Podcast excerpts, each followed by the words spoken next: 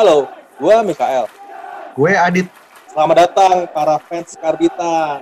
Lo pada lagi dengerin United Bacot Podcast. Yuk kita simak. Ya, kita jumpa lagi nih di United Bacot setelah agak lama kita absen. Nah, ini kita ngomongin episode 4. Same shit, different season. Kenapa kita ngomongin ini temanya? Karena setiap musim transfer MU gini-gini aja. Gini-gini gimana? Biasanya kalau misalnya posisinya lumayan nih dapat Champions League, belinya kayak ogah-ogahan gitu, transfernya nggak gitu serius gitu. Tapi kalau misalnya posisinya keluar dari Champions League, wah jor-joran tuh. Walaupun yang dibeli ya juga ya gitu-gitu aja sih. Cuman ya. kenapa sih setiap transfer tuh MU nggak kelihatan kayak tim gede? Susah banget. Susah banget. Tuh kita level level transfer tuh kayak apa ya? Kayak Everton sih kayak. malah malah, malah Ever, bagus kadang-kadang. Bahkan Everton aja lebih bagus musim ini ya. Iya. Aneh gitu. Ini kan klub terkaya di dunia ya nomor tiga nggak salah. Tapi kebijakan transfer tuh kayak bukan tim tim gede gitu. Dan sebagai fans tuh kita tuh ya permintaan kita tuh kan nggak muluk-muluk ya. Kita tuh pengen mm -hmm. uh, berkompetisi dengan baik, punya squad yang mm. oke. Okay ya berprestasi lah pastinya gitu loh. Dan apalagi untuk fans-fans lama kayak kita nih yang yeah. besar di 90-an 2000 2000-an awal gitu loh ya di mana MU yeah. tuh nomor satu, nomor dua, nomor satu, nomor dua gitu loh. Pernah kita yeah. tujuan Betul. kita cuma posisi empat gitu loh. Betul, tujuannya selalu juara gitu kan. Hmm. Selalu juara tuh bukan cuma posisi bukan cuma Champions League. Gila kalau tujuan Champions League mah tim apaan kayak gitu. Iya, dulu itu cuma Tottenham sama Arsenal doang yang yang yang pengen iya, posisi. Arsenal kan selalu selalu bilang kan kita yang penting posisi 4. Mm -hmm. Ini kenapa nih Dit nih? Uh, kenapa kok policy transfernya kok begini gitu? Kenapa kok kita protes juga gitu gitu? Iya, kita wajar lah sebagai fans kita protes gitu loh. Gila lu. Kita ngelihat kondisi ini dalam satu dua bulan lah, satu bulan terakhir lah. Berita-berita transfer tuh gencar banget dari awal tuh ya Sancho. Ya, ini ya kayak memberi harapan ya. Memberi harapan. Bahkan kita waktu itu sempat di uh, link ke beberapa pemain-pemain lain gitu yang itu membuat hmm. kita wah nih excited banget gitu loh. Tapi ya itu kayaknya cuman tim PR MU aja yang sengaja memberikan isu-isu itu biar kita tuh nggak nggak panik gitu loh. Aduh. Iya, dia nggak panik dan supaya fansnya diem.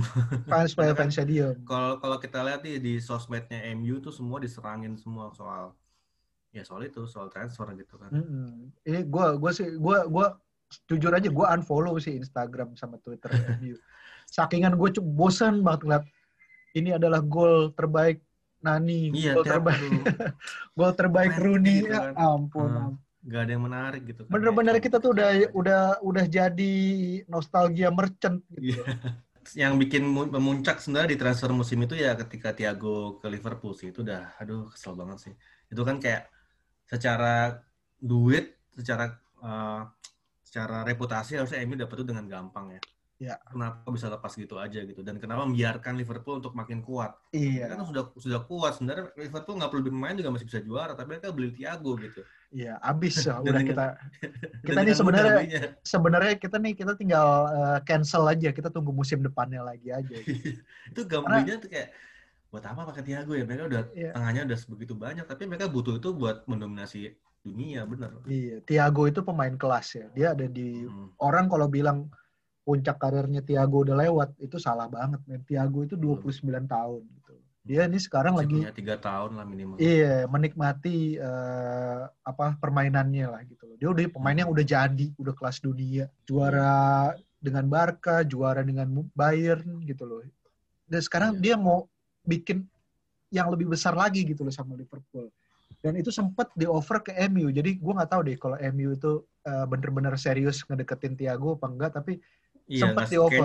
Gitu. Pernah di offer dan sempat kalau menurut isu yang ada, sempat kata Fabrizio Romano juga bilang kalau MU itu sempat ngomong sama agennya doang. Mm-hmm. Jadi belum pernah ada penawaran resmi ke klub. Jadi mereka mau tapi nggak mau, nggak jelas juga gitu kan. Dan, yeah. dan harusnya ini diambil aja sih blink of an eye sih. Begitu lo tahu pemain dengan kaliber kayak Thiago itu available, ya lo nggak mikir dua kali lah. Itu gue yakin sih yeah. kalau masih Mourinho pasti diambil ya. Walaupun Betul. mainnya pasti kacau di bawah baru Mourinho, tapi menurut gue opportunity untuk bisa signing pemain kelas dunia dengan harga yang affordable menurut gue ya. ya. Dan Liverpool nggak langsung mau loh. Mereka itu kan nolak 30 juta kan awalnya kan. Mereka yeah. minta tawar. Cuman banyak Munchen ya, Munchen gitu. Mereka kan juga klub kebesar juga masa gila 30 tawar gitu kan. Dengan dengan kondisi kayak gini kan nggak bisa. Nah, akhirnya sebenarnya Liverpool juga cukup agak lama belinya gitu. Jadi nggak nggak bagus nggak sempurna juga. Cuman ya gila mereka akhirnya dapet juga kan.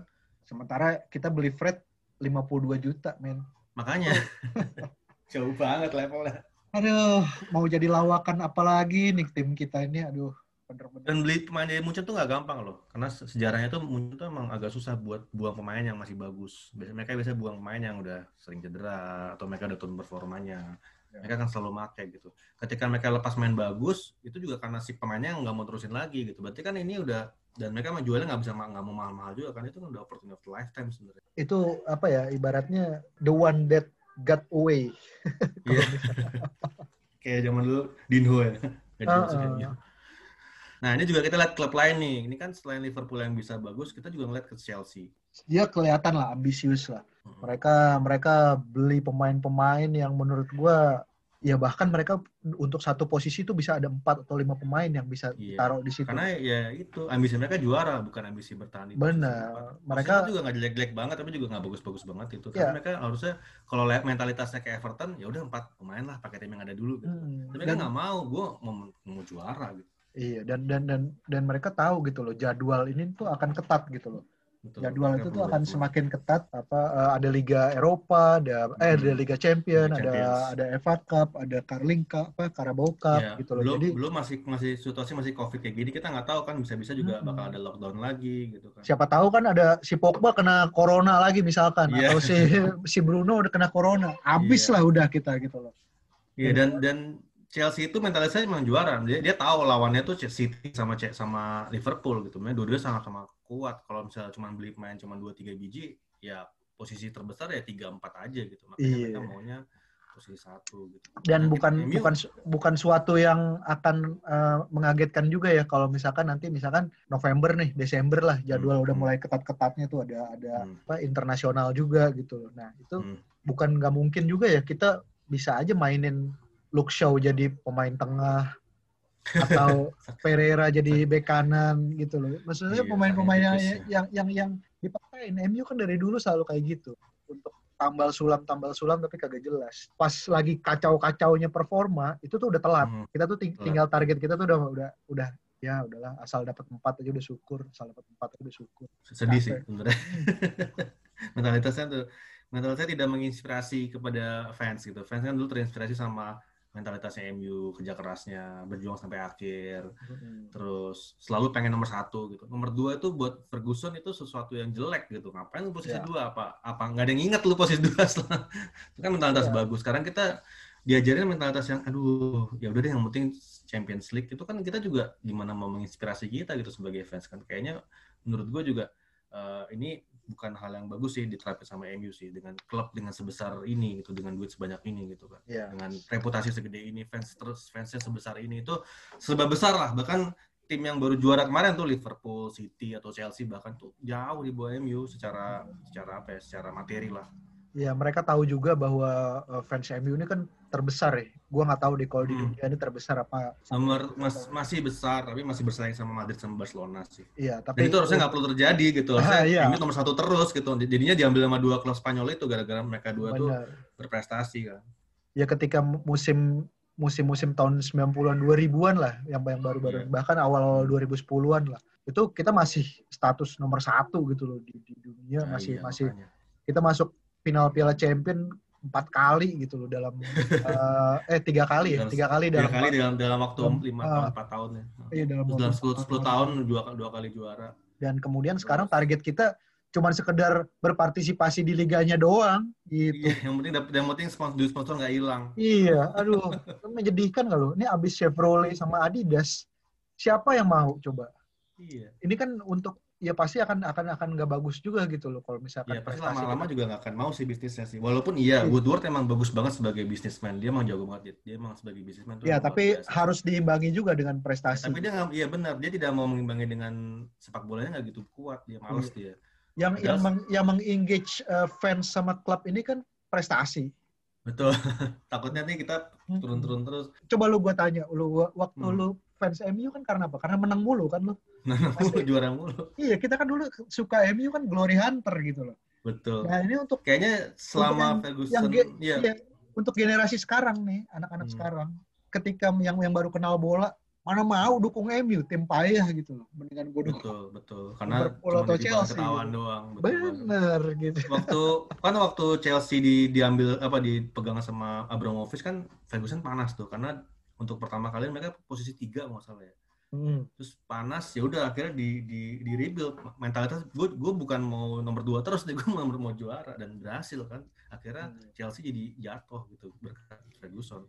Dan itu bertahun-tahun tuh kita nggak pernah nomor nomor tiga.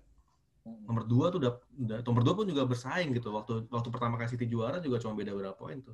Beda selisih beda selisih gol oh, selisih gol malah kan. Yeah. itu kan berarti kan gila kan kompetitifnya kompetisinya kan gila banget gitu padahal di di musim itu nggak jelek-jelek banget sebenarnya gitu cuman ya emang kalah kalah bagus dari City dan emang gak ada yang iya. ingat sama MU tahun itu gitu kalah da, dan nggak nggak juara nggak juara Liga Inggrisnya kita dapat trofi Iya, minimal trofi. Minimal dapat trofi gitu. Nah, uh, kita tuh nggak dapat trofi tuh uh, 2011-2012 kalau masalah kita nggak dapat. Oh, waktu City juara ya. Waktu City. Kalau kecuali kalau hitung Community Shield ya, which is yang itu gue nggak pernah hitung gitu. tapi tapi uh, ya itu kita juara terus lah. Pasti iya. ada ada ada yang paling satu dan gue herannya iya herannya tuh kenapa merembet ke transfer sama transfer kayak begini Sancho deh lihat gak kelar kelar gitu susahnya minta ampun cuman iya. bukan cuman ya maksudnya kalau emang lu nggak mau udah stop gitu cari lain main lain gitu lah ini kayak masih jalan terus gimana dan, dan kan dan, Sancho dari kapan tahu ya beritanya dan nanti ketika waktu, waktu transfer window udah habis dan tidak kita ujung-ujungnya kita beli panik buy atau malah nggak beli pemain sama sekali pasti isu yang akan berembus apa MU will uh, recruit director of football. Itu tuh yeah. isu yang berulang-ulang gitu loh. jadi, ya, jadi kayak kayak aduh apa ya lagu lama bener itu same, lama, ya. same, shit different season. nah berkaca lagi ini kan kita udah ngomongin tim gede nih. Nah hmm. sebenarnya di luar Chelsea, City sama Liverpool gimana menurut transfer sama klub-klub lain nih yang sampai saat hari ini?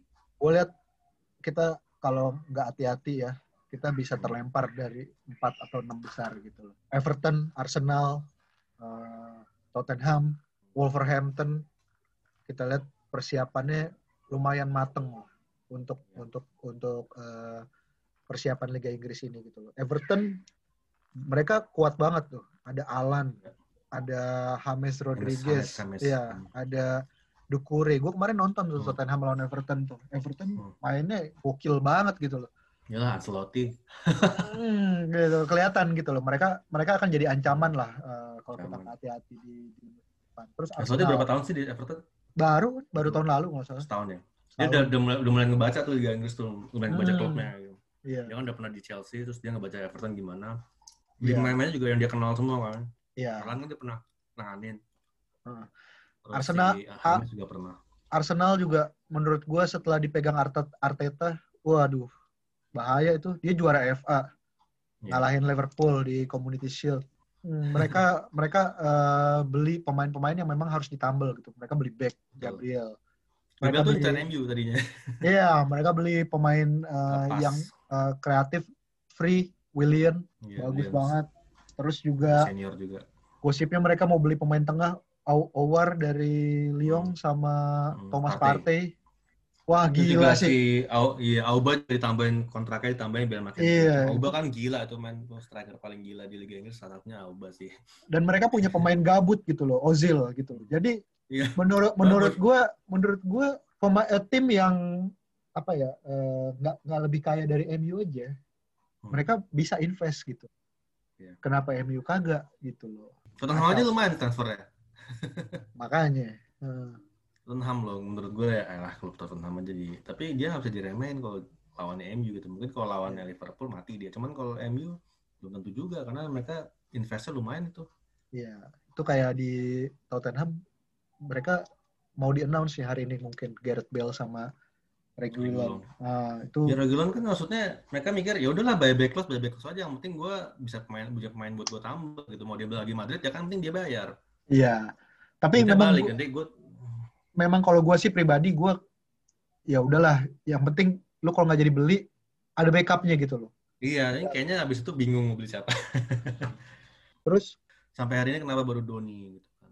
Apa apa sih sebenarnya perlu apakah emang manajemen nggak perlu nambah siapa siapa pun kita kan nggak tahu maksudnya uh, pemain-pemain juga cedera belum mulai pada cedera kena corona kena hmm. band banyak masalah lah belum Maguire dengan masalah pribadinya terus uh, Greenwood juga kena masalah personal gitu kan. Hmm, hmm. Dengan melihat harusnya kan melihat ada banyak serangan ke MU, serangan non teknis gitu kan.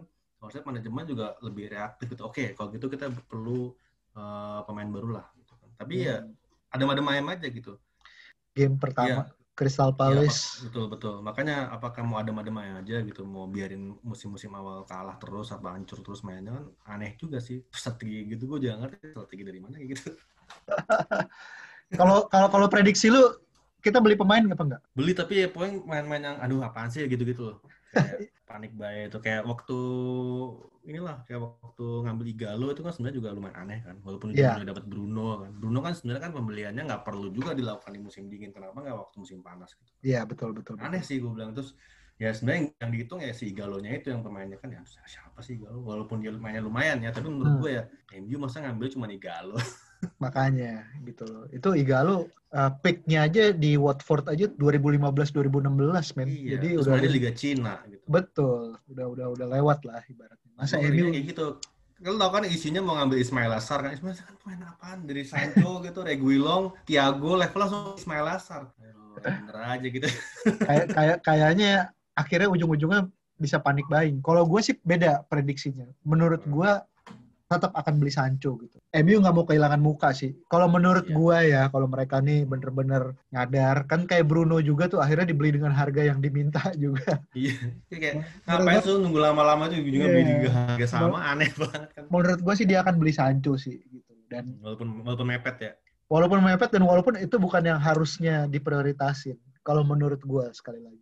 Kecuali kalau dia memang prioritasinnya dari segi bisnis ya, jualin kaos lah atau ngerti sih banyak banyak banget pukulan ke MU tapi manajemen nggak sadar gitu. Maksudnya lu tuh diserang berbagai sisi gitu. Nggak cuma dari sisi transfer tapi juga sisi dari PR gitu kan pemain-pemainnya kayak begitu. Dari sisi teknis juga pemain-pemainnya banyak yang kena masalah uh, tadi gue bilang kan personal terus cedera. Belum lagi soal uh, ini image club yang itu kaos yang nomor tiga itu yang baju zebra. Hmm itu kan itu kan jadi apa melihatnya ini apa sih kalau bikin baju kayak gitu gitu. Lu, lu jual-jualan jualannya. Padahal lu klubnya juga masih gini-gini aja. Itu kan juga melukai klub juga gitu. Mereka yeah. responsnya nggak gitu bagus sama third kitnya. Gitu. jadi gue rasa mereka harusnya dibalasnya dengan pembelian yang bagus dong. Supaya mereka tuh nutupin hal-hal yang kena itu yang yang cedera itu. Maksudnya cedera di luar pemain cedera ya. Maksudnya kayak uh, image MU lagi jelek. Terus kan main dirilis kan soal pengeluaran pemasukan MU di musim-musim belakang hmm, hmm, kemarin. Hmm, Jadi dirilis itu dikasih tahu bos klub Inggris itu cuma MU doang yang ngasih duit paling gede ke pemilik MU doang. Yeah. Jadi klub lain menginvest ke dalam klub, MU yang ngasih ke pemilik. Dan itu lumayan gede. Gue lupa di mana berapa, tapi yang pasti itu hmm. kelihatan bahwa fansnya, oh duit lo cuma buat investor, cuma buat pemilik, bukan buat klub. Jadi hmm. selama ini lu bikin duit gede-gedean tiap musim, lu pemain apa klub terbesar di dunia dengan penjualan kaos terbanyak di dunia tiap musim selalu kayak gitu loh. Eh itu yeah, masih jualan kaos dia masuk paling gede. Cuman musim kemarin doang kita kalah sama Liverpool, tapi setiap musim selalu terbesar di dunia ngalahin Madrid. Ya, ya, nah, ya itu kita ya. buat cuman buat dikasih buat owner gitu. Iya, Terus, makanya. Iya, makanya kan. Ya inilah kalau punya owner bermasalah dan uh, hmm. apa namanya? Direktur yang nggak ngerti bola ya. Gue nggak ngerti sih Woodward itu direktur kan dia kan. Dia ya, kayak dia CEO. Uh, kayak kayak David Gill lah.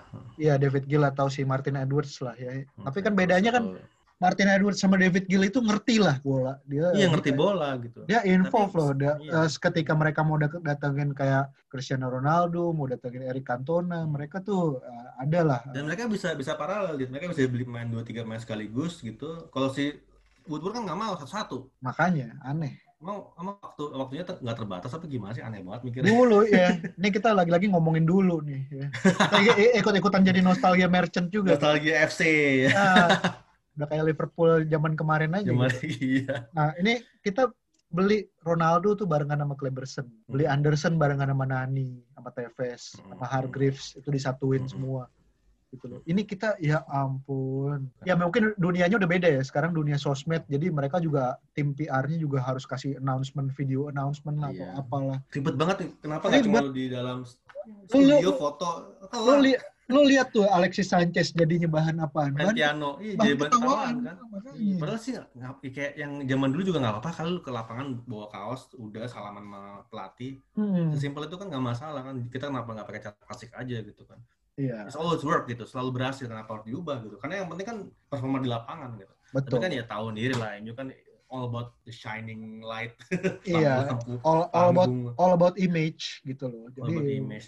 Ya, yang, Coba yang... kalau lihat lu, iya kalau perhatiin kalau Madrid datengin pemain bagus deh, mereka pasti kan penonton diundang ke stadion, bikin panggung, udah gitu aja. Hmm. Tapi rame gitu, penonton yeah. udah nonton, Ronaldo ngomong atau dulu siapa tuh sih Modric gitu ngomong di, di dalam panggung, apa juggling bola emang sih tidak sesimpel MU dulu tapi kalau emang mau lebih ribet ya kayak gitu aja gitu. Ngapa lu mesti ya, ya itu kan menunjukkan bahwa menunjukkan bahwa yang dicari tuh ya bukan skill kebintangan lo tapi skill lo di lapangan gitu loh. Orang pengen ya, melihat oh nih pemain kita nih ketika diintroduce uh, punya dia, skill lah. betul punya skill dan dia berani ngomong penonton nggak ngomong sama fans nih lo gue di Madrid akan gini gini gini gitu. Ya. ala Madrid bla bla bla. Itu kan keren kan.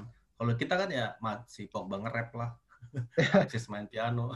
Makanya aneh-aneh aja lah. Kita nih udah iya.